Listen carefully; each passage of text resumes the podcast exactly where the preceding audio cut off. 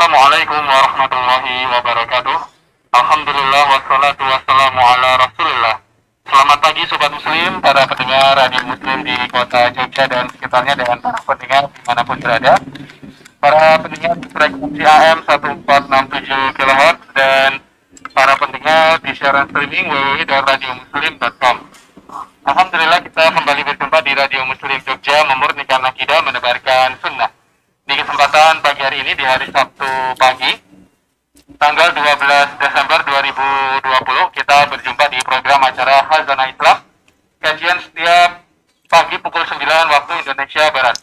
Dan di kesempatan kali ini insya Allah kita akan lanjutkan kembali kajian rutin bersama Ustadz Abu Salma Muhammad Hafizullah Ta'ala melanjutkan pembahasan dari kitab karya Syekh Muhammad bin Abdul Wahab rahimahullah ta'ala pembahasan tentang mengajarkan anak tauhid dan pembahasan kita di kesempatan hari ini insya Allah melanjutkan kembali pembahasan mengenalkan Nabi Shallallahu Alaihi Wasallam kepada anak-anak kita dan kajian ini insya Allah juga disiarkan di uh, YouTube Ustadz Abu Salma Muhammad dan di Instagram ya bagi para teman-teman para pendengar atau pemirsa di channel YouTube dan Instagram Ustadz Abu Salma Muhammad.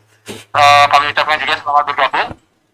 Dan kajian ini ada sesi tanya jawab bagi sobat muslim, para pendengar radio muslim dan para pemerhati kajian Ustadz Abu Salma Muhammad bisa sampaikan pertanyaan atau konsultasinya mengenai agama atau mengenai pembahasan kita terutama mengenai pendidikan anak melalui SMS atau chat WhatsApp ke nomor Radio Muslim Jogja yakni di nomor 0823 27275333. Sekali lagi silakan bisa mencatat nomor kami dan bisa sampaikan pertanyaan ke nomor 082327275333 atau bagi para pemirsa di channel YouTube dan Instagram bisa sampaikan pertanyaan melalui kolom komentar. Alhamdulillah kali ini kita telah terhubung bersama Ustadz Abu Salma Muhammad. Kita sapa terlebih dahulu beliau. Assalamualaikum Ustadz. ya, Waalaikumsalam warahmatullahi wabarakatuh. Assalamualaikum Ustaz. Ya, Waalaikumsalam warahmatullahi wabarakatuh. Baik Ustaz, uh, terima kasih jazakallah khairan Ustaz telah terhubung kembali bersama kami. Apa kabar Ustaz? Baik-baik aja Mas Didin ya. Sehat Alhamdulillah Mas. Ya, ini kayaknya uh, koneksi agak kurang bagus nih ya pagi ini. Uh, apa suara agak sedikit putus-putus nih. Baik Ustaz, uh, semoga uh, Allah mudahkan kajian kita pada kesempatan pagi hari ini. Ya, amin amin. Muslim, dan kita telah Salama. Mari kita bersiap diri untuk dan mencatat faedah dan ilmu yang akan beliau sampaikan. Baik, kami dari studio mengucapkan selamat mendengarkan kepada Ustadz. Kami persilakan Ustadz. Baik. Syukran Mas Didin, jazakallah khair ya. Bismillah. Innal hamdalillah nahmaduhu wa nasta'inuhu wa nastaghfiruh wa natubu ilaih wa na'udzu billahi min syururi anfusina wa min sayyiati a'malina. May yahdihillahu fahuwal muhtad wa may yudlil falan أشهد أن لا إله إلا الله وحده لا شريك له وأشهد أن محمدا عبده ورسوله. لا نبي بعده أما بعد. فإن أصدق الكلام كلام الله وأحسن الهدى هدى محمد صلى الله عليه وسلم وشر الأمور محدثاتها وكل محدثة بدعة وكل بدعة ضلالة وكل ضلالة في النار أما بعد. آه، جماعة سكليان para aba, para ummahat, ikhwan dan akhwat, rahimani wa. Ya, Alhamdulillah di pagi hari ini kita masih diizinkan Allah Azza wa Jalla untuk dapat bersua kembali melanjutkan kajian kita yaitu masih membahas sebuah risalah yang nafiah, risalah yang bermanfaat yang berjudul Ta'limus Sibyan At-Tauhid, mengajarkan anak-anak tauhid. Dan kita sebenarnya sudah masuk ke soal sadis atau pertanyaan yang terakhir. Dan ini adalah sebenarnya bagian penghujung dari risalah kita yang pendek ini, yang singkat ini tapi benar-benar sangat bermanfaat isinya. Ya, Uh, dari enam pertanyaan ini ya kita sudah sudah membahas kurang lebih selama 25 pekan ya, 25 pekan ya. Dan insya Allah mungkin ya sekitar satu atau dua pekan lagi kita akan sudah menamatkan uh, buku ini, buku yang sangat bermanfaat sekali ini ya. Dan insya Allah di pagi hari ini ya kita akan kita akan melanjutkan bagian yang kedua ya dari dari keterangan Syekh ya tentang ya wa idza nabiyuka. Dan apabila engkau ditanya nak siapa nabimu? Maka kul jawablah nabiyuna Muhammad bin Abdullah bin Abdul Muttalib bin Hashim ya bin Abdi Manafin. Ya maka katakanlah bahwasanya nabiku adalah Muhammad bin Abdullah bin Abdul Muttalib bin Hashim bin Abdul Manaf. Ya. Baik. Uh, jamaah sekalian para abah dan para ummahat dan sahabat-sahabat para pendengar radio muslim yang digunakan Allah. Di kesempatan yang lalu kita sudah membahas ya tentang uh, bagaimana cara kita mengenalkan ya tentang sosok manusia yang istimewa ini yaitu Rasulullah Muhammad bin Abdullah sallallahu alaihi wasallam kepada anak kita. Nah, sekarang mungkin di bagian yang kedua ini kita akan lebih fokus membahas ya bahwasanya sebagaimana dikatakan sebuah idiom tak kenal maka tak sayang, tak kenal maka tak cinta. Ya.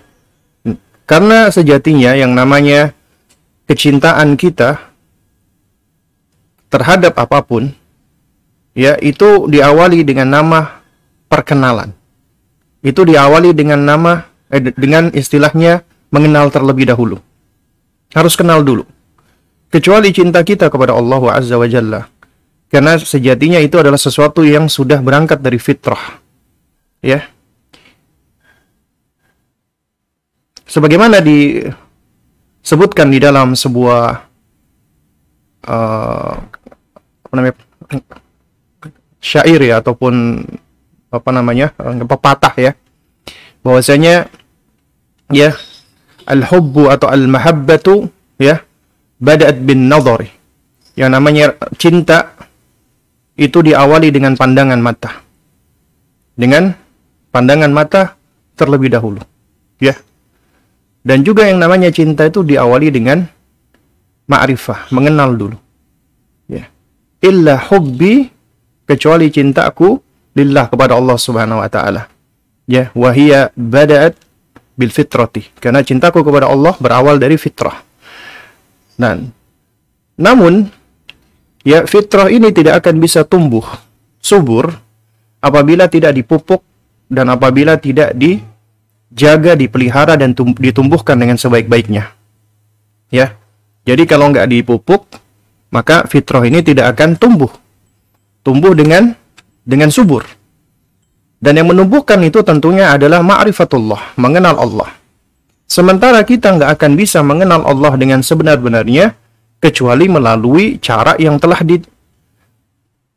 dijelaskan oleh Allah Subhanahu wa taala. Ya, kita nggak akan bisa mengenal Allah nih kecuali dengan cara yang telah diterangkan oleh Allah Azza wa Jalla. Dan Allah menerangkannya agar hamba-hambanya bisa mengenal dirinya melalui perantaraan siapa? Melalui perantaraan Rasulullah Sallallahu Alaihi Wasallam.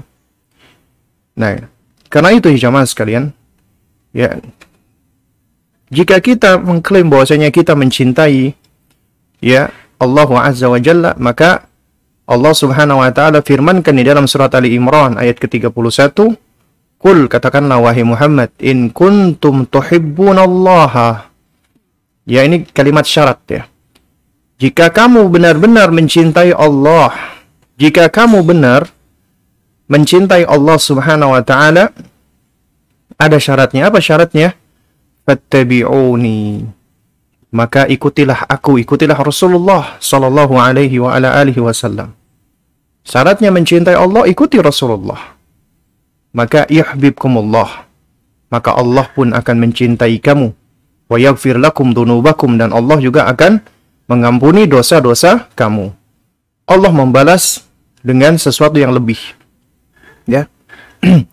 Jadi al jaza min jinsil amal, balasan itu uh, bergantung dengan jenis amalan, ya kecuali amal baik kita ya di hadapan Allah. Allah tidak akan balas sama, tapi Allah akan balas berlebih dan berlipat-lipat. Karena Allah adalah maha baik. Sementara apabila kita berbuat keburukan atau kejelekan atau dosa, maka Allah akan balas sesuai dengan kesalahan kita. Nggak akan Allah zalimi kita. Betapa luar biasa baiknya Allah subhanahu wa ta'ala. Juga demikian, ya, apabila kalian mengaku mencintai Allah, maka ikutilah Rasulullah maka Allah akan mencintai kalian dan Allah tambah lagi Allah akan ampuni dosa-dosa kalian. Allah akan mengampuni semua dosa-dosa yang kalian lakukan. Jadi ittiba kepada Rasulullah syarat untuk mendapatkan mahabbatullah. Dan kita pun nggak akan bisa ya mencintai Allah kecuali dengan cara kita mengikuti caranya Rasulullah. Karena betapa banyak orang mengaku-ngaku mencinta, ngaku-ngaku sayang, tapi ternyata itu cuma sekedar pengaku-ngakuan saja. Ya. Syekh Muhammad Nasruddin Al-Albani rahimahullahu taala beliau ya sering menukilkan sebuah syair ya ketika beliau menanggapi orang-orang yang suka mendakwakan diri suka mengklaim yaitu beliau menukilkan syair kullun yadda'i waslan bi Laila wa Laila la lahum bidaka. Semua ngaku-ngaku punya hubungan spesial dengan si Laila. Tapi Laila nggak pernah mengakuinya. Laila bahkan memungkiri pengakuan-pengakuan tersebut. Setiap orang boleh ngaku-ngaku, tapi percuma kalau pengakuan tanpa diiringi dengan bukti. Ad-da'awi ma lam tukimu 'alaiha bayinat abna'uha adaya. Ya orang-orang yang mengklaim saja, mengaku saja, aku cinta, aku sayang, aku ini, aku itu, tapi nggak diiringi dengan bukti, nggak diiringi dengan ya proof, ya, tidak diiringi dengan ya dengan sesuatu yang bisa menjadi buktinya, maka dia cuman pengaku-ngaku belaka, cuman pendakwa belaka, cuman bisa mendakwakan dirinya, tapi nggak diiringi dengan dengan bukti, ya. Oleh karena itu, betapa banyak orang-orang sekarang mengaku-ngaku mencintai Rasulullah. Ya. Mereka mengaku sebagai pecinta Rasulullah. Tapi kecintaan apabila tidak diiringi dengan ketaatan, ittiba, mengikuti sunnah Nabi, menghidupkan sunnah Nabi dan menjauhi larangan Nabi, menjauhi bid'ah-bid'ah, maka itu semua hanyalah dakwaan belaka. Itu semua adalah palsu. Nah, oleh karena itu jamaah sekalian, para abad, para umat, sahabat-sahabat, pendengar radio muslim yang dimuliakan Allah, ya, kita harus memahami tentang konsekuensi daripada cinta tersebut, yaitu harus ada buktinya. Buktinya adalah ittiba, mencontoh, meniru, meneladani Rasulullah sallallahu alaihi wa ala alihi wasallam, ya. Jangan sekalian yang dimuliakan Allah. Ya, kita mencintai Rasulullah Sallallahu Alaihi Wasallam harus melebihi daripada kecintaan kita kepada siapa pun di muka bumi ini. Ya. Karena kata Nabi Wasallam, "La yu'minu ahadukum hatta akuna ahabbu." Ya. Tidaklah dikatakan beriman salah seorang dari kalian sampai dia menjadikan diriku ini lebih dia cintai. Ya, melebihi daripada dirinya, daripada orang tuanya dan daripada ya seluruh manusia yang ada harus mencintai Rasulullah Wasallam. Nah, kenapa kita harus cinta kepada Rasulullah? Karena beliau adalah manusia terbaik, manusia yang dipilih Allah, Al-Mustafa, the chosen one. Allah yang memilih beliau. Pilihan Allah pasti terbaik. Pilihan Allah itu pasti the best. Tidak ada yang lebih baik daripada pilihan Allah. Allah memilih di antara semua manusia itu Muhammad bin Abdullah sallallahu alaihi wa ala alihi wasallam. Sehingga beliau adalah manusia istimewa, manusia spesial. Manusia istimewa, manusia spesial, maka dia adalah manusia yang Allah cintai. Dia adalah manusia yang Allah meridhoinya. Sehingga tidak mungkin kita bisa mendapatkan kecintaan dan ridho Allah melainkan dengan cara kita pun juga harus mencintai ya Allah dan Rasulnya. Jadi kita pun juga harus harus mencintai siapa? Mencintai Allah dan Rasulullah Sallallahu Alaihi Wasallam. Kita harus mencintai Rasulullah. Dan Nabi yang mulia alaihi itu dikaruniai oleh Allah Subhanahu wa taala kekhususan dan kemuliaan. Di antaranya adalah maqamum mahmud yaitu kedudukan yang terpuji, ya. Allah memberikan kepada beliau wasilah dan maqamum mahmud. Maqamum mahmud para ulama berbeda pendapat, tapi pendapat yang masyhur maksudnya adalah adalah syafaatul udmah. Rasulullah diberikan izin oleh Allah untuk memberikan syafaat kepada umatnya untuk bisa masuk surga tanpa hisab. Ya. Dan sebagian ulama yang lain seperti Imam Mujahid ya, itu sebagaimana dinukilkan di dalam tafsir apa namanya? Uh, At-Tabari rahimahullah yaitu maqamu Mahmud adalah ya ini berangkat dari dari asar bahwasanya Rasulullah nanti di hari kiamat akan Allah tempatkan ya yakni ajlasahu ya ala arshihi ma'ahu ya Allah Subhanahu wa taala akan menempatkan dia duduk di arsy Allah Subhanahu wa taala. Ya. Meskipun uh, pendapat ini itu juga di kritisi oleh sebagian ulama. Ya. Lalu kemudian juga Allah memberikan kepada Nabi SAW memiliki telaga al-haud Al-Kautsar. Ya, telaga di surga dan juga telaga ketika manusia itu selesai ditimbang ya menuju ke sirat maka di situ ada telaga yang berasal dari telaganya Nabi Al-Kautsar yaitu dari surga dan Nabi sudah menunggu di hautnya menunggu umatnya ya Baik, jamaah sekalian dimuliakan Allah Subhanahu wa taala ya. Juga di kesempatan yang lalu juga sudah kita bahas bahwa di antara urgensi kita mengenalkan anak-anak kita dengan Rasulullah SAW agar agar tumbuh sayangnya cintanya dia kepada Rasulullah Sallallahu Alaihi Wasallam. Ya. Sebagaimana di dalam sebuah hadis ya dari Anas bin Malik ya radhiyallahu taala anhu bahwa ada seorang Arabi, ada seorang Arab Badui datang kepada Nabi. Kemudian beliau bertanya, ya, mata sa'atu qa'imah. Kapan kiamat itu datang ya Rasulullah? Maka Nabi bertanya, ma a'adattalah, apa yang sudah kamu persiapkan? Kamu bertanya tentang kiamat nih, apa yang sudah kamu siapin untuk kiamat? Maka dia mengatakan, ma a'adattu illa hubbullah wa rasulihi Ya, aku tidak mempersiapkan apa pun ya Rasulullah kecuali kesiapanku, kecuali kecintaanku kepada Allah dan Rasulnya. Dan tentunya yang dimaksud kecintaan kepada Allah dan Rasulnya bukan cuma klaim saja, tapi dibuktikan dengan perbuatan. Maka kata Nabi SAW, فَإِنَّكَ مَعَ مَنْ أَحْبَبْتَ Maka sesungguhnya engkau akan bersama dengan orang yang engkau cintai. Taib, jamaah sekalian yang dimulakan Allah Subhanahu wa taala. Ya.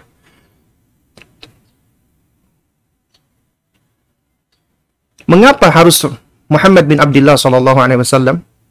Ya, jawabannya adalah kita tahu nih manusia itu Allah ciptakan ber, bermacam-macam. Manusia Allah ciptakan ada yang kafir, ada yang muslim, ada yang beriman, ada yang kufur, ada yang muahid, ada yang musyrik, ada yang baik, ada yang jelek, ada yang bertakwa dan ada yang ada yang buruk, ya, ada yang soleh dan ada yang apa toleh ya. Itu manusia. Ya manusia secara umum nah oleh karena itu makanya dari lingkaran manusia ini di situ ada manusia-manusia yang soleh manusia-manusia yang yang yang baik. Maka manusia-manusia yang soleh manusia-manusia yang baik itu adalah manusia-manusia yang Allah pilih di antara manusia-manusia lainnya. Ya Allah berikan kebaikan hidayah kepada mereka. Lalu kemudian dari manusia-manusia yang soleh ini ada yang Allah istimewakan lagi. Yaitu mereka adalah para anbiya. Mereka adalah para nabi yang Allah Subhanahu wa taala memilih mereka. Ya, di antara manusia-manusia saleh tadi, Allah pilih di antara mereka menjadi para nabi. Lalu kemudian dari para anbiya ini Allah pilih lagi di antara mereka dengan Allah berikan risalah. Ya, yaitu para rasul. Ya, para rasul. Lalu kemudian dari para rasul ini Allah Subhanahu wa taala istimewakan lagi, Allah khususkan lagi dari para rasul ini ada lima ulul azmi. Lima orang yang menjadi ulul azmi. Ya, siapa itu? Nabi Nuh alaihissalam, Nabi Ibrahim alaihissalam, Nabi Musa alaihissalam, Nabi Isa alaihissalam, dan Nabi kita Muhammad bin Abdullah alaihi salatu wassalam. Ya. Ulul azmi. Kemudian dari ulul azmi ini Allah pilih lagi yang paling istimewa. Siapa? Tidak lain dan tidak bukan adalah Rasulullah Muhammad bin Abdullah. Sayyidul Mursalin. Penghulunya para Rasul. Beliau adalah pemimpinnya para Nabi dan Rasul. Karena itu makanya Nabi kita Muhammad SAW itu adalah Al-Mustafa, the chosen one, manusia yang terpilih. Allah yang pilih. Bukan dipilih oleh manusia yang lainnya, tapi yang memilih adalah Allah secara eksklusif, secara khusus. Dan beliau adalah Al-Mujtaba. Al-Mujtaba artinya best of the best. Yang paling baik di antara yang paling baik. Ya, itu adalah Rasulullah SAW, Muhammad bin Abdullah. Jadi, dari sini kita tahu nih, ya bahwasanya manusia yang paling baik di antara manusia itu para nabi. Ya. Dan setelah para nabi adalah para sahabat. Dan di antara para nabi ini ada yang Allah pilih lagi menjadi para rasul. Lebih istimewa lagi. Dari para rasul ini ada yang Allah istimewakan lagi yaitu ulul azmi. Baru kemudian Muhammad bin Abdullah sallallahu alaihi wasallam. Ya. Nah. Jadi Allah Subhanahu wa taala itu mengkhususkan mengistimewakan Rasulullah. Karena itu makanya Allah berikan kepada Nabi kita Muhammad sallallahu alaihi wasallam maqamum mahmudah, ya. Yaitu apa? Yaitu kedudukan tempat yang terpuji, ya. Dan ini adalah uh, keistimewaan yang dimiliki oleh Rasulullah sallallahu alaihi wasallam. Ya.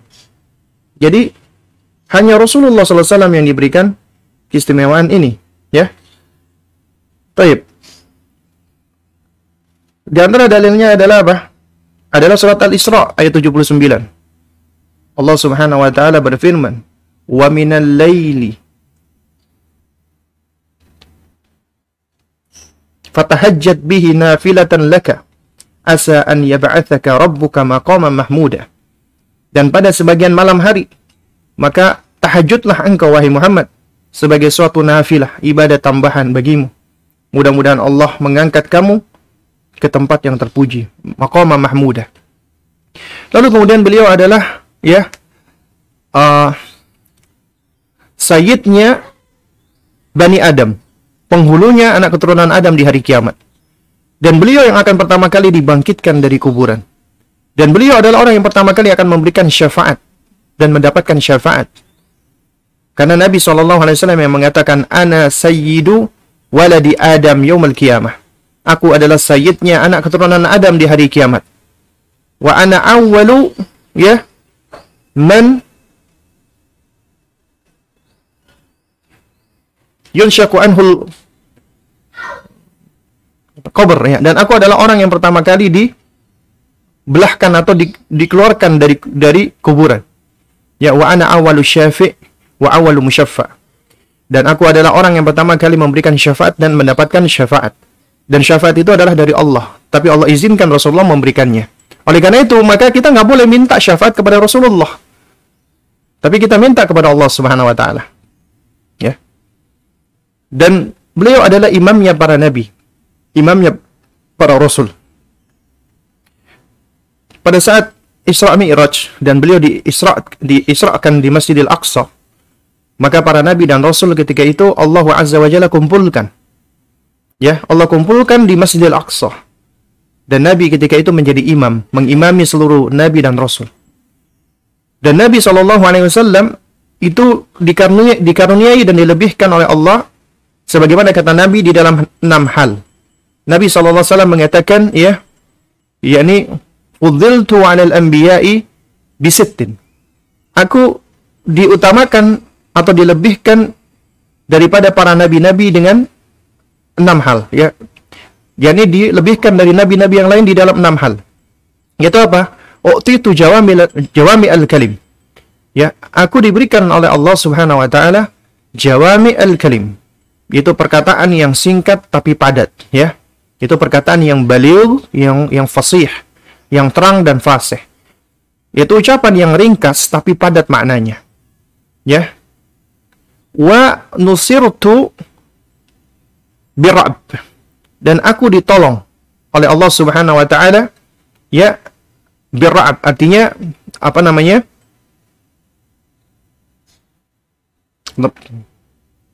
Masyiratul syahr. Itu di dalam lafadznya Imam Bukhari. Yaitu aku diberi pertolongan oleh Allah Subhanahu wa taala itu dengan dengan apa? Dengan dengan jarak perjalanan satu bulan. Maksudnya apa? Maksudnya orang-orang kafir, orang-orang musyrik itu merasa gentar dan takut dengan Islam, dengan Rasulullah. Ya. Satu bulan perjalanan.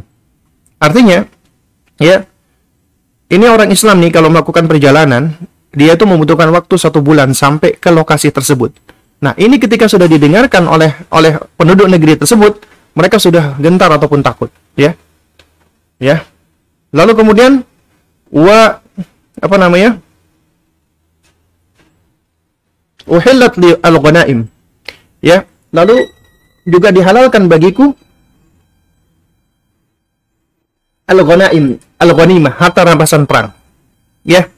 Wa ju'ilat li al-ardu tahuran wa masjidan. Dan dijadikan untukku bumi itu suci dan sebagai tempat bersujud atau masjid. Ya. Wa ursiltu ilal khalqi kafa dan aku diutus kepada seluruh makhluk. Wa khutima bin nabiyun dan aku pun juga menjadi penutup seluruh para nabi. Jadi ada enam. Ya, beliau di, beliau diberikan jawami al-kalim. Kemudian yang kedua, beliau diberikan kewibawaan sehingga orang-orang kafir itu takut dalam jarak perjalanan satu bulan, satu bulan perjalanan. Kemudian yang ketiga dihalalkan bagi beliau harta rampasan perang al-ghanimah.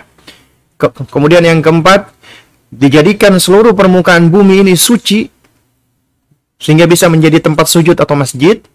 Kemudian yang kelima, beliau diutus kepada seluruh makhluk. Kalau para nabi dan rasul dulu adalah kepada kaumnya masing-masing. Namun Rasulullah kepada seluruh makhluk. Ya. Baru kemudian yang berikutnya adalah ya nabi sebagai penutup. Ya, Rasulullah sebagai penutup para nabi. Ya, alias nabi yang yang terakhir. Baik. Jamaah sekalian yang dimuliakan Allah Subhanahu wa taala, ya.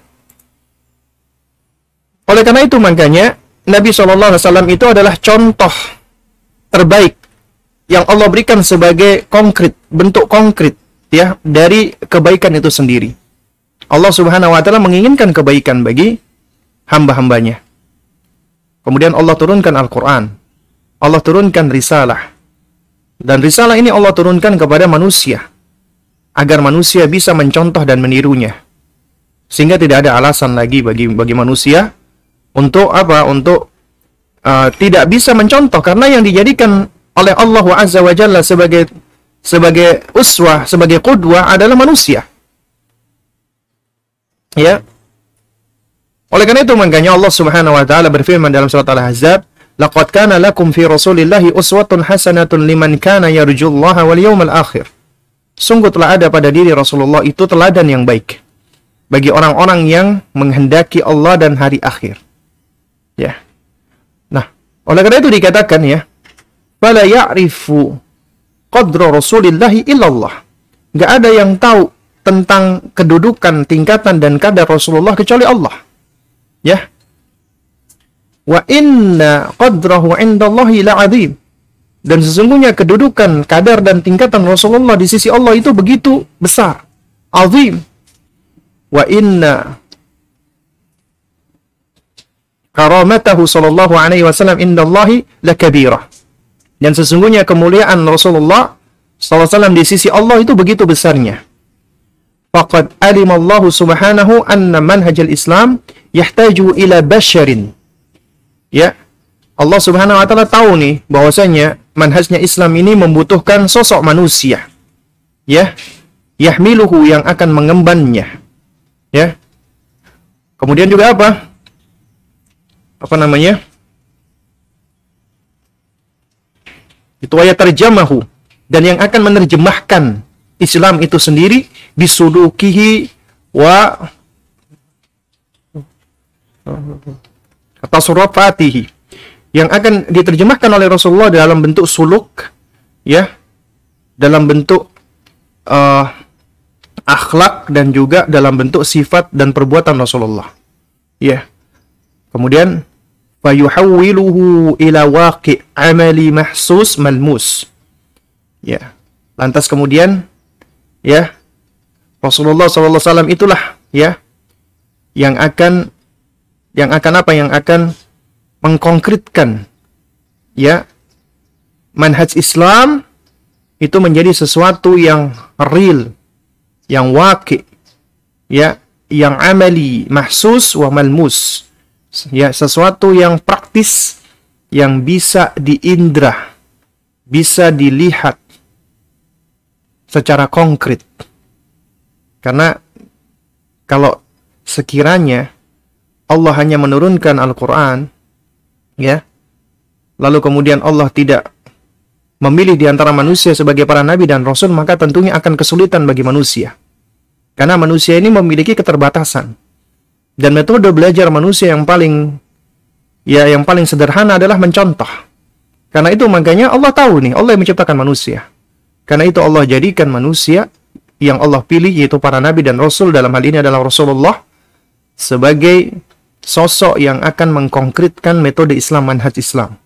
Secara praktik praktikal praktis. Yang mahsus yang bisa diindra wa malmus yang sebenarnya bisa disentuh artinya yang konkret. Ya. Makanya walidzalika ba'athahu sallallahu alaihi wasallam ba'da an wada'a fi syakhsiyatihi as-surah al-kamila lil manhaj.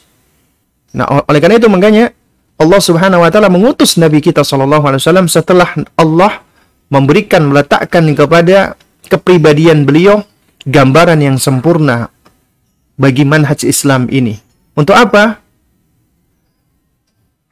Untuk lihat terjam hadal manhaj dalam rangka untuk menerjemahkan manhaj ini ya untuk merefleksikan manhaj ini wa yakunu khairu qud, qudwah lil bashariyah ya kafah agar beliau menjadi sosok kudwah teladan yang baik bagi manusia seluruhnya Nah, oleh karena itu makanya Allah jadikan Rasulullah sebagai teladan, contoh.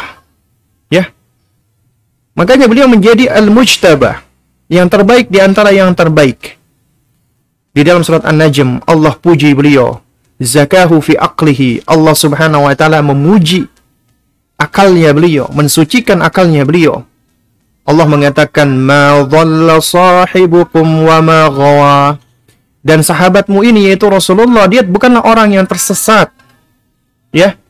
Bukanlah akalnya akal yang hilang tidak. Beliau adalah orang yang berakal yang akil. Ya makanya dikatakan oleh Allah ma sahibukum wa ma ya? Allah juga memuji mensucikan kejujurannya zakahu fi sidqihi. Ya? Betapa Nabi adalah sosok yang paling sidik jujur dan beliau tidaklah berkata kecuali membawa kejujuran dari Allah. Dalam An-Najm ayat 3, ya ayat yang selanjutnya, "Wa ma yantiqu 'anil hawa" dan beliau tidaklah berbicara berkata-kata kecuali ya ya yang berangkat dari hawa nafsunya illa wahyu yuha kecuali wahyu yang Allah Subhanahu wa taala wahyukan kepadanya. Wa zakahu fi sadrihi. Dan Allah Subhanahu wa taala mensucikan membersihkan dada beliau. Sebagaimana dalam surat alam nashrah laka sadrak? Ya alam nashrah laka sadrak? Bukankah kami telah melapangkan dadamu wahai Muhammad? Wa zakahu fi fuadihi. Dan Allah Subhanahu wa taala mensucikan fuadnya Rasulullah. Hatinya Rasulullah kalbunya Rasulullah. Maka dalam surat An-Najm tadi tapi ini ayat ke-11 Allah mengatakan ma kadzabal fuadu ma ra'ah ya jadi hati qalbu Rasulullah itu tidaklah cenderung kepada kedustaan. Wa zakahu fi dzikrihi. Dan Allah Subhanahu wa taala mensucikan dan memuji Rasulullah di dalam penyebutannya. Ya. Sebagaimana dalam surat Alam Nashrah tadi wa dalam eh, ayat keempat ya apa namanya?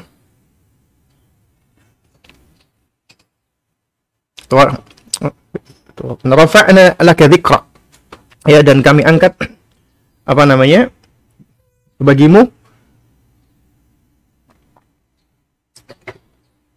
Sebutanmu ya. Juga ya Allah Subhanahu wa taala juga memberikan ilmu ya yang spesial kepada Rasulullah sebagaimana dalam surat An-Najm ya allamahu syadidul quwa Allah Subhanahu wa taala yang mengajarkan kepada beliau ya syadidul quwa ya kemudian Allah juga memuji beliau dalam hal halim, sifat lemah lembutnya beliau. Karena Allah sebutkan bil mu'minina raufur rahim. Beliau terhadap orang-orang yang beriman begitu sangat ulah as, welas asih ya, sangat sangat lemah lembut. Ya. Dan Allah puji Rasulullah di dalam segala hal. Ya.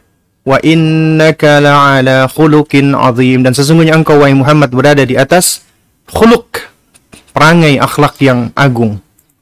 Baik. Jemaah sekalian yang muliakan Allah, ya. Mengapa kita harus menumbuhkan cinta anak-anak kita kepada Nabi SAW mulai dari semenjak dini?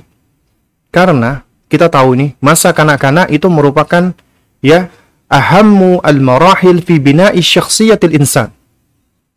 Adalah fase terpenting, fase yang paling penting di dalam membangun kepribadian manusia, di dalam membangun karakter manusia. Itu kanak-kanak. Ya. Karena sejatinya yang namanya kepribadian itu tidak lepas dari yang namanya pengalaman hidup yang dialami oleh manusia. Apabila dia sering mendapatkan pengalaman-pengalaman yang dia saksikan, yang dia dengarkan itu kebaikan-kebaikan, maka itulah yang akan membentuk dirinya. Akan membentuk karakternya. Oleh karena itu, ya, apabila anak itu terdidik idza ist, idza hubbi apabila anak itu terdidik senang sama nabi cinta sama nabi mulai dari semenjak kecilnya ya. Maka akan mudah baginya untuk menerima sunnah nabi menerima perintah nabi ketika dia sudah menjadi lebih lebih lebih dewasa. Ya. Dan apabila kita sudah biasa mendidik anak-anak kita untuk mencintai Rasulullah, untuk mengagungkan Rasulullah, memuliakan Rasulullah, maka ya ketika kita mendidik mereka di atas hal ini, maka mereka pun akan terbiasa membentuk tabiat mereka mereka cinta dengan Rasulullah, senang dengan Rasulullah sallallahu alaihi. Dan tentunya kita tahu ya jamaah sekalian, ya. Anna hubba anna hubba ya. Abna'ina li rasulillah sawfa yaudu alaihim bil khairi wal baraka wat taufiq fi syatta umuri hayatihim ya bahwasanya cintanya anak-anak kita kepada Nabi sallallahu alaihi wasallam kelak insyaallah akan membawa kembali kebaikan bagi mereka keberkahan buat mereka dan taufik di dalam semua lini dan fase kehidupannya. Karena dia memiliki contoh teladan yaitu sosok manusia yang terbaik. Ini ya ini siapa Rasulullah sallallahu alaihi wasallam. Dan mencintai Rasulullah itu mengharuskan menaati beliau. Menaati Rasulullah akan membuahkan cinta Allah Subhanahu wa taala. Ya. Nah, oleh karena itu makanya zaman sekalian dimuliakan Allah, Ya kita harus ajarkan bahwasanya kecintaan itu harus ada buktinya, harus ada harus ada ya bukti yang tampak yang zahir. Di antaranya adalah dalam bentuk ketaatan, menaati Rasulullah dan menjauhi larangan Rasulullah. Mengikuti sunnah Rasulullah dan menjauhi bid'ah-bid'ah. Itu adalah bukti dari cinta kita kepada Rasulullah. Sehingga Allah pun akan mencintai kita. Ya di dalam sebuah hadis yang diriwayatkan oleh sahabat yang mulia Abu Hurairah radhiyallahu taala anhu ya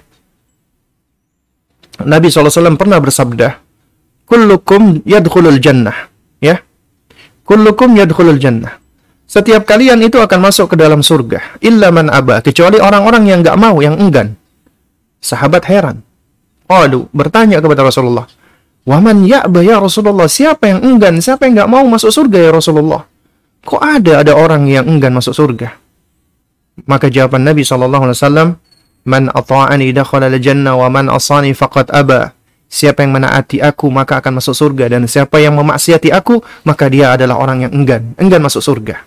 Gak mau masuk surga. Jamaah sekalian dimuliakan Allah. Ya. Di sini ada satu kunci penting ya. Ini mungkin bagian akhir ya. Yaitu apabila kita ingin mengajarkan anak untuk meneladani dan mencontoh Rasulullah, maka yang pertama kali harus menjadi teladan dan contoh adalah orang tuanya. Karena orang tua adalah sosok yang konkret ada di hadapan mata anak. Sehingga orang tua harus belajar, harus mengenal Rasulullah sebelum mengajarkan tentang Rasulullah kepada anaknya. Harus berusaha untuk mempraktekkan sunnah-sunnah Rasulullah SAW. Dan mendidik anaknya di atas sunnah tersebut. Diajarkan adab anak-anaknya sesuai dengan adabnya Rasulullah. Sehingga orang tua harus menjadi contoh di dalam mencintai Rasulullah. Kita tahu anak itu ibarat spons yang akan menyerap segala sesuatu yang ada di sekitarnya, yang baik dan yang buruk. Karena itu orang tua yang mencontohkan dengan kebaikan, orang tua yang mencintai Rasulullah dan mengikuti sunnah Rasulullah, maka ini orang tua yang baik yang akan diserap kebaikan tersebut oleh anak. Maka demikian pula orang tua yang nggak kenal Rasulullah, yang sering berbuat bid'ah, yang suka berbuat maksiat, maka ini pula yang akan diserap oleh sang anak. Kita tahu anak kecil itu adalah pengamat yang cermat. They see, they learn what they see. Mereka akan mempelajari apa yang mereka lihat. Ya, anak itu adalah pengcopy paste yang paling detail. They act what they get. Mereka akan melakukan apa yang mereka dapatkan.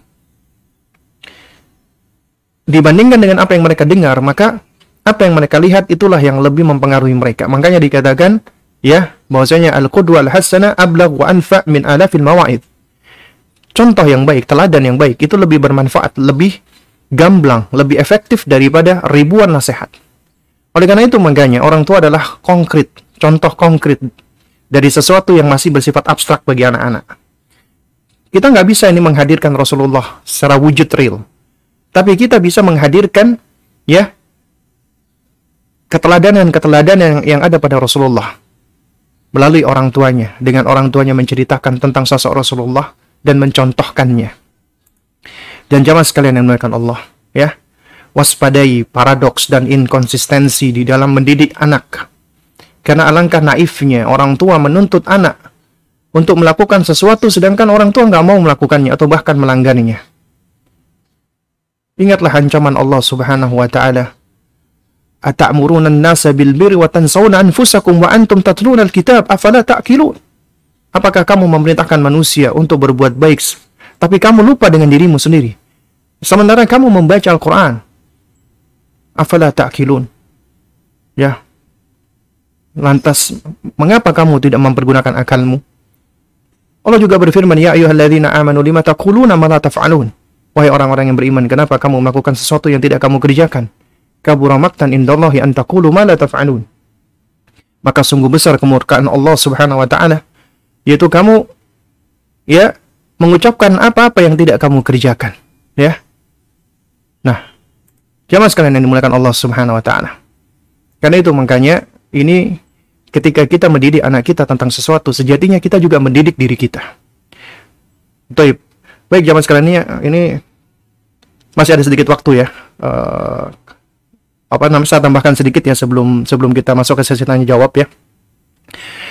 Yang juga nggak kalah penting adalah ketika kita mendidik anak kita, mengajarkan mereka adab, ya, atau mengajarkan mereka sejumlah uh, hal, ya, maka jangan pernah kita melupakan untuk menjelaskan argumentasinya, dalil, dalil. Dan suatu hal yang baik apabila semenjak dari usia dini mereka sudah diikat. Diikat dengan apa? diikat dengan dalil dan dalil itu yang paling utama adalah kalau Allah wa qala Rasul. Firman-Nya Allah dan sabdanya Rasulullah sallallahu alaihi wasallam. Kenapa kamu makan pakai tangan kanan? Karena Allah mencintainya, karena Rasulullah mempraktekannya, Rasulullah yang mengajarkannya, Rasulullah yang memerintahkannya. Kita tahu nih bahwasanya yang namanya nasihat itu nggak lepas ya dari uh, cara yang efektif dari dari dua hal. Yaitu yang pertama adalah afektif afeksi sentuh dulu hatinya dengan panggilan-panggilan yang baik. Menyebut namanya dengan sebutan yang baik dengan bahasa yang lemah lembut. Ya baru kemudian kita masuk ke ranah kognitifnya. Kita sampaikan pesan atau nasihat kita kemudian jangan lupa berikan taklil berikan argumentasi Ya, ini yang dilakukan oleh orang-orang soleh seperti Lukman. Ya bunayya, nak, ini afektif. Ya, disentuh hatinya, wahai nak, baru la tusyrik billah. Janganlah kamu menyekutukan Allah. Ini baru isi nasihatnya. Baru baru diberikan argumentasinya. Inna syirka la zulmun adim. Sesungguhnya kesyirikan itu adalah kezaliman yang besar. Nah, juga demikian ketika Anda memerintah atau melarang sesuatu pada anak Anda, maka jelaskan dalilnya. Dan kata Syekh Utsaimin rahimahullah, di dalam kitab Al-Qaulul Mufid ada kitab Tauhid ya. Yaitu beliau sempat menyinggung faidah bahwasanya mendidik anak dengan mengajarkan dalilnya itu setidaknya ada dua manfaat. Yang pertama, akan membiasakan anak untuk mengikuti dalil. Jadi yang diikuti dalil bukan sekedar orang tuanya. Banyak di antara kita orang tua mengajari anak, ya, itu ternyata buahnya mendidik mereka untuk mengikuti orang tuanya. Tapi tidak mengikuti dalil karena orang tuanya jarang mengikat ya perilaku dan perbuatan mereka dengan dalil. Sehingga ini sering kali akan ya akan membawa kepada kegagalan di dalam pendidikan. Karena hanya diikat dengan orang tuanya. Padahal orang tuanya adalah orang yang manusia biasa. Tidak diikat dengan dalil. Lalu manfaat yang kedua adalah ya akan mendidik anak untuk mencintai Rasul dan tentunya Rasul adalah kudwah, panutan yang sangat tepat untuk diikuti. Namun sayangnya, hal ini banyak dilalaikan oleh kebanyakan orang tua. Orang tua hanya sekedar menyebutkan hukumnya saja. Ini nggak boleh ya, ini begini, ini begini. Udah selesai, nggak disebutkan dalilnya. Nah, suatu hal yang baik apabila disebutkan dalilnya. Ya, disebutkan argumentasinya. Ini akan lebih merangsang kognisi akalnya sang anak. Dan juga ini akan akan akan lebih baik untuk apa? Untuk mendidik anak ya mengikuti dan tunduk terhadap dalil dan mengikat hatinya dengan Allah.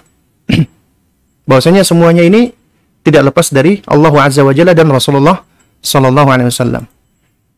Dan kemudian juga yang nggak kalah penting adalah kita ajarkan tentang sirahnya Rasulullah. Ini sudah kita bahas ya di apa namanya di bahasan-bahasan kemarin. Ya, karena di antara metode yang sangat efektif buat anak-anak adalah berkisah dan kemudian jangan lupa pula untuk mengajarkan anak-anak kita selalu bersalawat kepada Nabi Shallallahu Alaihi Wasallam dengan salawat yang benar ketika nama Nabi disebut. Ya, itu harus kita kita ajarkan kepada mereka. Kita talkin mereka semenjak kecil untuk bisa bersalawat minimal Sallallahu Alaihi Wasallam atau Sallallahu Alaihi Wasallam. Udah, Allahumma salli ala Muhammad cukup.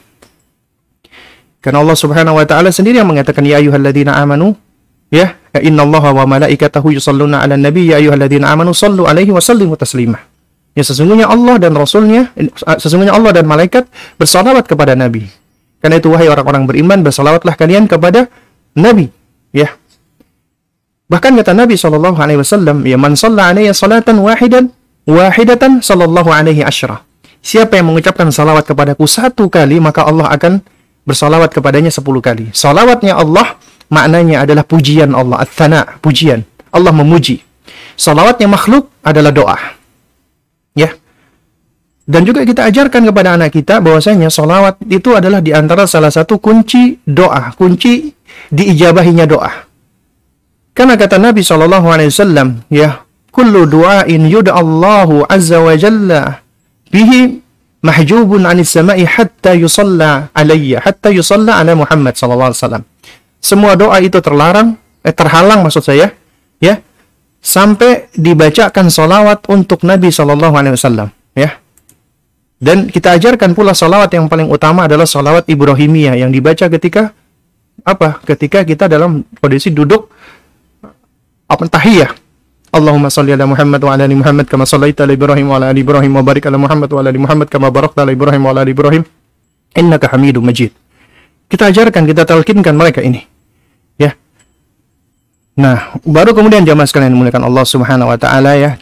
Kita bisa mulai baru mengajarkan anak-anak kita tentang sejumlah hadis agar mereka menghafal hadis-hadis pilihan yang pendek-pendek ya, yang mudah. Dan ini bagus sekali untuk anak-anak kita. Misalnya contohnya ya kita talkinkan mereka agar mereka hafal man qala la ilaha illallah dakhalal jannah atau innallaha jamil yuhibbul jamal ya Jadi kita pilihkan beberapa hadis-hadis pilihan misalnya al uh, apa kalimatut thayyibah sadaqah. Al kalimatut thayyibah sadaqah. Atau la taghdab walakal jannah. Ya. Dan seterusnya, ya.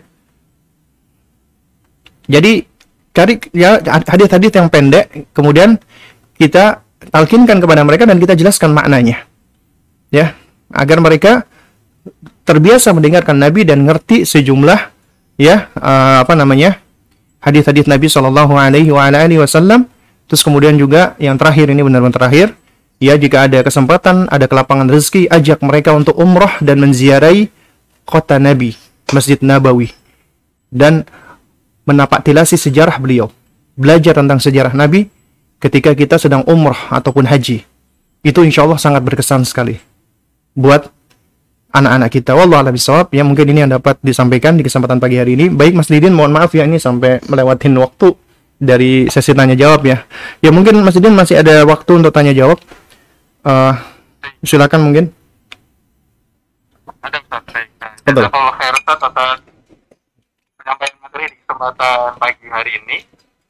Sobat Muslim baru saja kita dengarkan materi yang disampaikan oleh Ustadz Abu Salma Muhammad. Melanjutkan pembahasan bagian kedua mengenalkan Nabi Shallallahu Alaihi Wasallam kepada anak. Kita masuk di sesi tanya jawab. Kita akan bacakan beberapa pertanyaan dari Sobat Muslim. Uh, pertanyaan pertama, Assalamualaikum Ustadz, bolehkah mengajarkan anak nama-nama 25 Nabi dengan suara bernada seperti lagu tapi tanpa alat musik. Mohon penjelasannya, Ustaz. Toyib, ya. Jadi yang perlu dipahami harus dibedakan antara ya bernyanyi dengan musik dan tanpa musik, ya.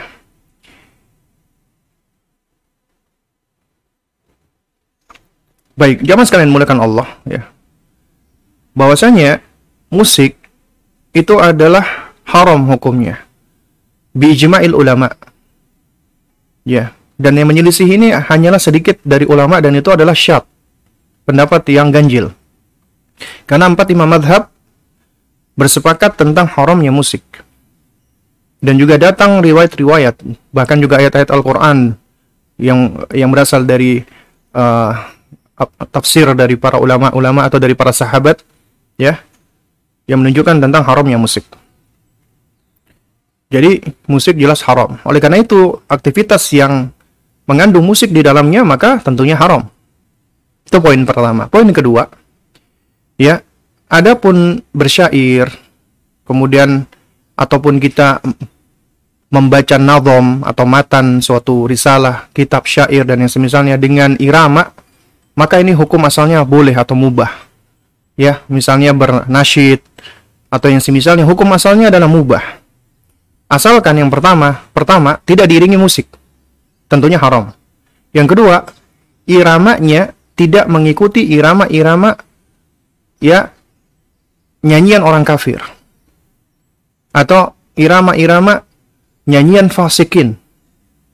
Ya. Atau irama-iramanya lagu-lagunya orang-orang fajir. Ya. Dan yang apa ketiga bahwasanya ya irama-irama nyanyian-nyanyian seperti ini itu sebenarnya ya menurut sebagian ulama adalah diberikan rukhsah keringanan untuk anak-anak kecil. Artinya kita ngajarin mereka untuk menghafal sesuatu dengan irama itu adalah untuk anak-anak kecil. Adapun orang dewasa maka ya tidak sepatutnya meskipun sebagian besar ulama tetap uh, memperbolehkannya. Karena anak-anak dengan orang dewasa beda.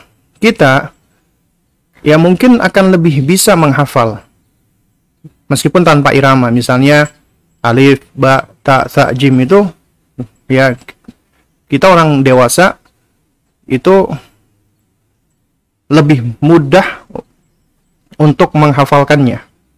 Ya. Nah, sementara di sisi lain anak-anak ya mereka itu akan lebih mudah untuk menghafal dan mempelajari sesuatu apabila sesuatu itu fun buat mereka, menyenangkan buat mereka.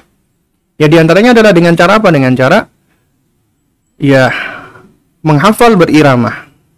Oleh karena itu makanya ketika mereka menghafal huruf hijaiyah ya tentunya dengan memberikan iramah alif ba ta sa jim ha kha misalnya dengan alif ba ta sa itu akan lebih mudah bagi mereka menghafalkannya ketika ada iramanya. Juga demikian misalnya menghafal nama-nama hari. Senin, Selasa, Rabu, Kamis dengan Senin, Selasa, Rabu. Ya tentunya lebih mudah bagi mereka untuk apa menghafal dengan ada iramanya. Ya. Dan juga demikian kita perhatikan itu ya banyak sekali kita dapati juga ketika di dalam majelis-majelis ilmu ya itu membaca nazam ya apa namanya membaca uh, matan itu juga dengan dengan irama ya Nah, oleh karena itu makanya, ya, irama itu sendiri sejatinya bukanlah suatu hal yang haram. Yang mengharamkan harus menunjukkan dalil. Harus membawa dalil pengharamannya. Ya. Karena yang namanya irama itu adalah intonasi ya ketika seseorang berbicara. Dan intonasi ini tentunya kadang-kadang dapat membentuk suatu nada. Ya. Dan adanya irama dan nada dalam rangka untuk membantu dalam proses apa pembelajaran khususnya anak-anak, maka yang saya tahu ini hukumnya tidak mengapa. Termasuk menghafal nama-nama para nabi. Ya. Atau misalnya menghafalkan ya syair-syair atau yang semisalnya. Ya. atau bahkan menghafal nama-nama bulan atau sejumlah kata-kata dalam bahasa Arab dengan irama itu tentunya adalah suatu hal yang lebih mudah dan menyenangkan untuk mereka buat anak-anak. Ya. Allah alam khairan atas jawabannya. Mungkin satu lagi pertanyaannya Ustaz ya di uh, kesempatan kali ini. Baik. Pertanyaannya, Ustaz saya pernah mendengar tentang ain uh, bahwa ain dapat mendahului takdir. Bagaimana Pak penjelasannya Ustaz? Bagaimana penjelasan ain dapat mendahului takdir? Mohon penjelasannya, Ustaz. Ya. Baik, baik jamaah sekalian mulakan Allah Subhanahu wa taala ya. Uh, untuk uh, pertanyaan yang kan kedua ini ya, itu belum bisa saya jawab ya di kesempatan ini ya dikarenakan saya harus menelaah dulu ya tentang penjelasan para ulama yang apa yang menjelaskan tentang makna daripada hadis itu ya. Sehingga di kesempatan uh, di pagi hari ini belum bisa saya jawab ya. Nanti mungkin insya Allah bisa kita jawab di pertemuan berikutnya. Ya. Wallah alam sawab. Baik, Ustaz. Jazakallah ini ada satu lagi pertanyaan Ustaz dari channel YouTube Antum bisa kita bacakan sekalian Ustaz? Silakan, silakan. Baik Ustaz. Pertanyaannya dari pendengar di Tasikmalaya bagaimana cara membedakan cerita Nabi Islam dan Yahudi? Karena saya dalam mualaf ter terkadang masih bingung. Syukran jazakumullah khairan. Mohon nasihatnya Ustaz. Gimana gimana tadi? Tanyanya bagaimana cara membedakan cerita Nabi Islam dan Yahudi? Oh karena anak mualaf terkadang masih bingung syukran oh maksudnya bagaimana membedakan antara kisah kisah Nabi yang berangkat dari Israiliyat gitu mungkin maksudnya ya dengan yang yang berangkat dari Toib. Yang apa namanya pertama adalah ya uh, apa saya pribadi ucapkan ya barakallahu fik ya untuk sang penanya. Mudah-mudahan Allah Subhanahu wa taala mengkaruniakan kepada sang penanya dan juga kita semua ya hidayah dan taufiknya dan suatu hal yang patut disyukuri ketika Anda mendapatkan taufik mendapatkan hidayah dari Allah dan ini adalah sesuatu yang paling mahal di muka bumi ini. Tidak ada yang lebih bernilai daripada hidayah. Karena dengan hidayah inilah akhirnya kita manusia itu menjadi terangkat kedudukannya dan kita insya Allah akan terselamatkan di dunia dan di akhirat. Dan ini menunjukkan betapa Allah Azza wa Jalla begitu sangat care, begitu sangat perhatian dengan hamba-hambanya di antaranya kita dan kita di antara yang Allah pilih untuk mendapatkan hidayah itu ya. Jadi oleh karena itu syukuri hidayah tersebut. Jaga jangan sampai lepas di antaranya dengan cara menuntut ilmu. Kemudian yang kedua ya, kita nggak akan bisa membedakan ya sesuatu apakah sesuatu ini sesuatu yang valid ataukah tidak valid, apakah ini sesuatu yang sahih atau tidak sahih kecuali dengan ilmu. Kecuali dengan belajar. Dan belajar itu membutuhkan waktu yang tidak sebentar. Itu membutuhkan kesabaran, membutuhkan tulus zaman waktu yang panjang dan juga harus di bawah bimbingan ustadz. Harus harus di bawah bimbingan seorang apa namanya pengajar, ya. Nah, jadi seseorang dia nggak akan bisa ini ngebedain apakah ini hadis al, hadis as, apa hadis sahih atau hadis palsu atau hadis lemah. Kecuali dia harus belajar. Dia harus menelaah. Dia harus mempelajarinya. Atau minimal at least setidaknya dia bertanya fasal ahla dzikri in kuntum la ta'lamun? Itu proses proses di antara belajarnya seseorang. Bertanya kepada orang yang memiliki ilmu. Ya. Nah lalu bagaimana cara membedakan antara cerita-cerita Nabi Islam dan Yahudi yang perlu kita pahami bersama adalah kita nggak bisa pungkiri nih di dalam buku-buku ya Qasasul Anbiya atau juga di dalam buku-buku tafsir bil ma'thur yang yang banyak uh, dinukilkan sejumlah riwayat-riwayat dan asar itu sejatinya banyak mengambil dari Israiliyat, kisah-kisah Bani Israel. Dan kata Nabi Shallallahu alaihi wasallam, ya, Nabi mengatakan balighu anni walau ayah wa an Bani Israel wala haraj sampaikan dariku meskipun hanya satu ayat dan ceritakanlah dari Bani Israel tidak mengapa kata Nabi SAW. Wa man kadzaba alayya muta'ammidan falyatabawa maqadahu minan nar. Dan siapa yang berdusta atas namaku maka persiapkanlah tempat duduknya di atas api neraka. Artinya tidak mengapa seseorang membawakan riwayat-riwayat Israiliyat asalkan riwayat tersebut tidak menyelisihi Al-Quran dan Sunnah. Dan yang kedua, ya apabila riwayat tersebut adalah riwayat yang tidak yang tidak menyelisih Al-Quran dan Sunnah dan juga tidak ada apa namanya ketetapannya dari Al-Quran dan Sunnah maka boleh kita sampaikan tanpa perlu kita apa namanya menetapkan kebenarannya. Artinya suatu hal yang yakin enggak. Jadi banyak sekali riwayat-riwayat itu dari Israiliyat. Seperti misalnya kita dapatkan nih seperti bukunya Al Imam Ibnu apa namanya? Itu Abidunia ya. Di dalam bukunya Imam Ibnu Abidunia ya Zammul Hawa itu beliau banyak menukilkan juga misalnya ucapan Lukman dan yang semisalnya itu juga banyak berangkat dari kisah-kisah Israiliyat. Juga demikian riwayat-riwayat dari Al Imam Wahab bin Munabbih ya banyak dari kisah-kisah Israiliyat.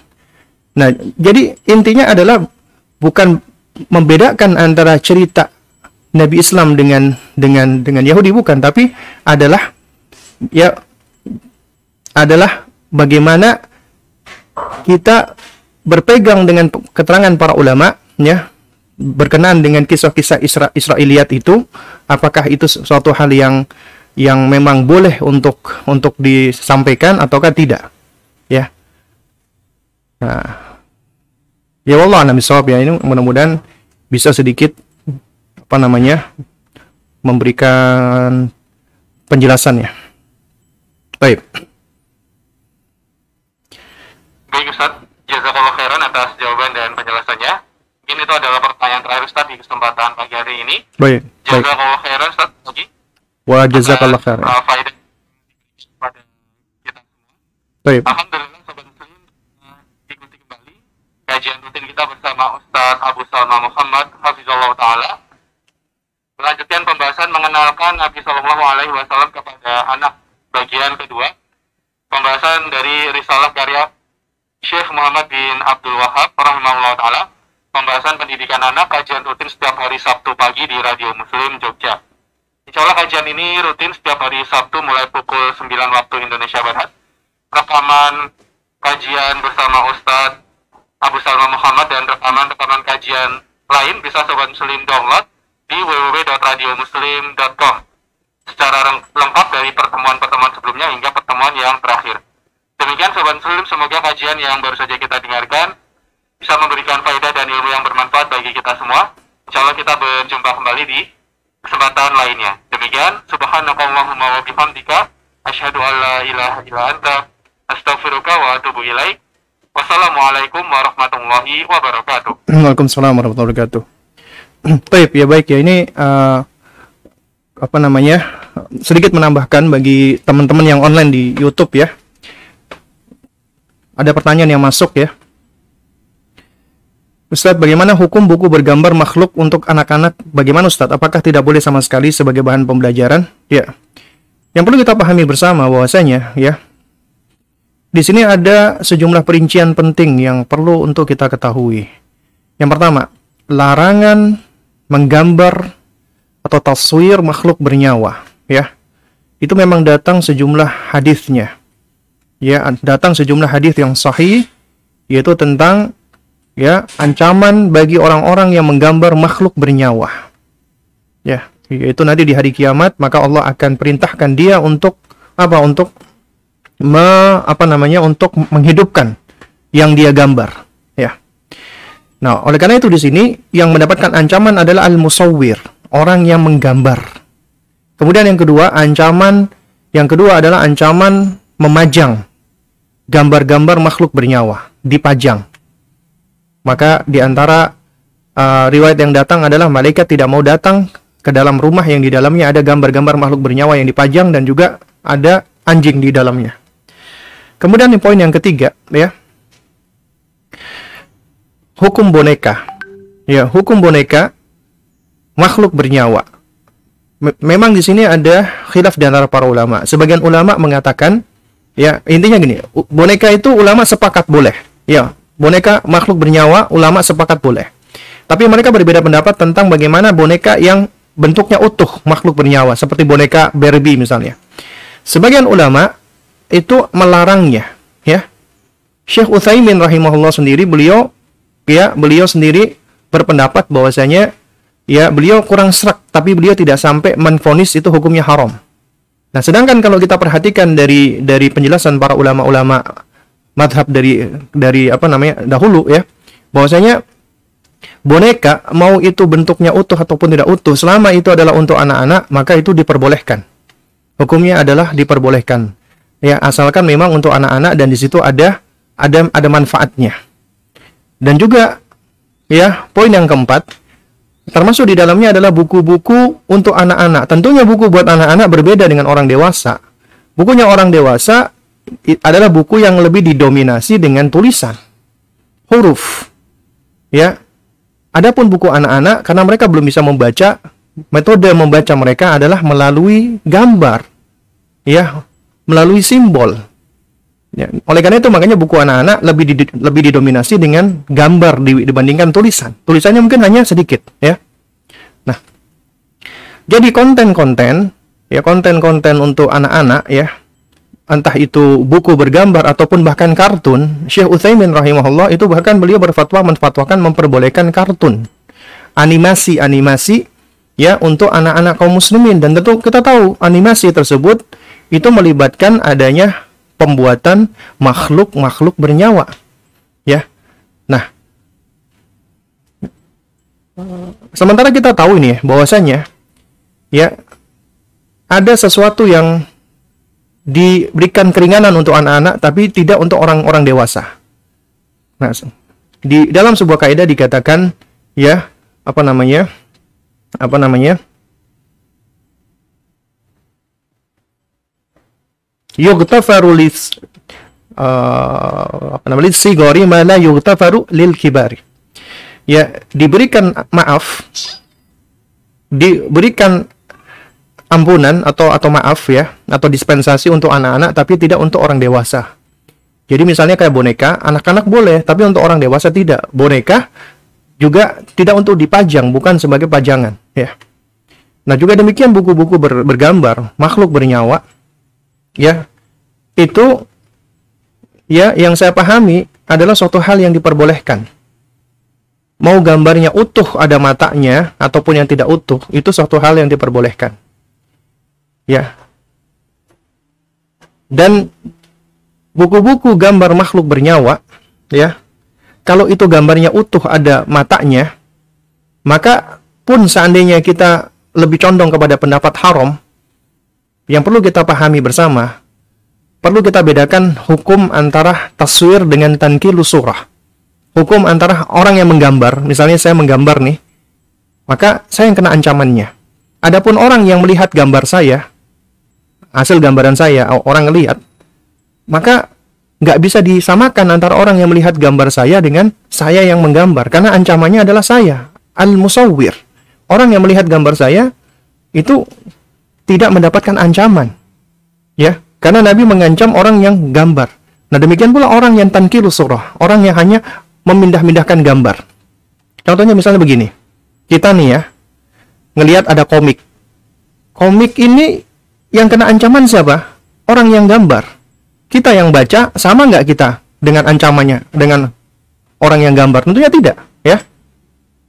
Nah, juga demikian, jadi ketika di buku-buku itu misalnya ya itu yang diambil adalah misalnya ada animasi ataupun foto ya bukan dia yang yang gambar maka tentunya ini adalah suatu hal yang yang lebih selamat lagi di, dibandingkan dengan kita sendiri yang menggambarnya kalau kita yang menggambar sendiri kita yang membuat animasi sendiri maka yang lebih aman adalah kita mengikuti arahan dari para ulama itu kita hilangkan wajahnya.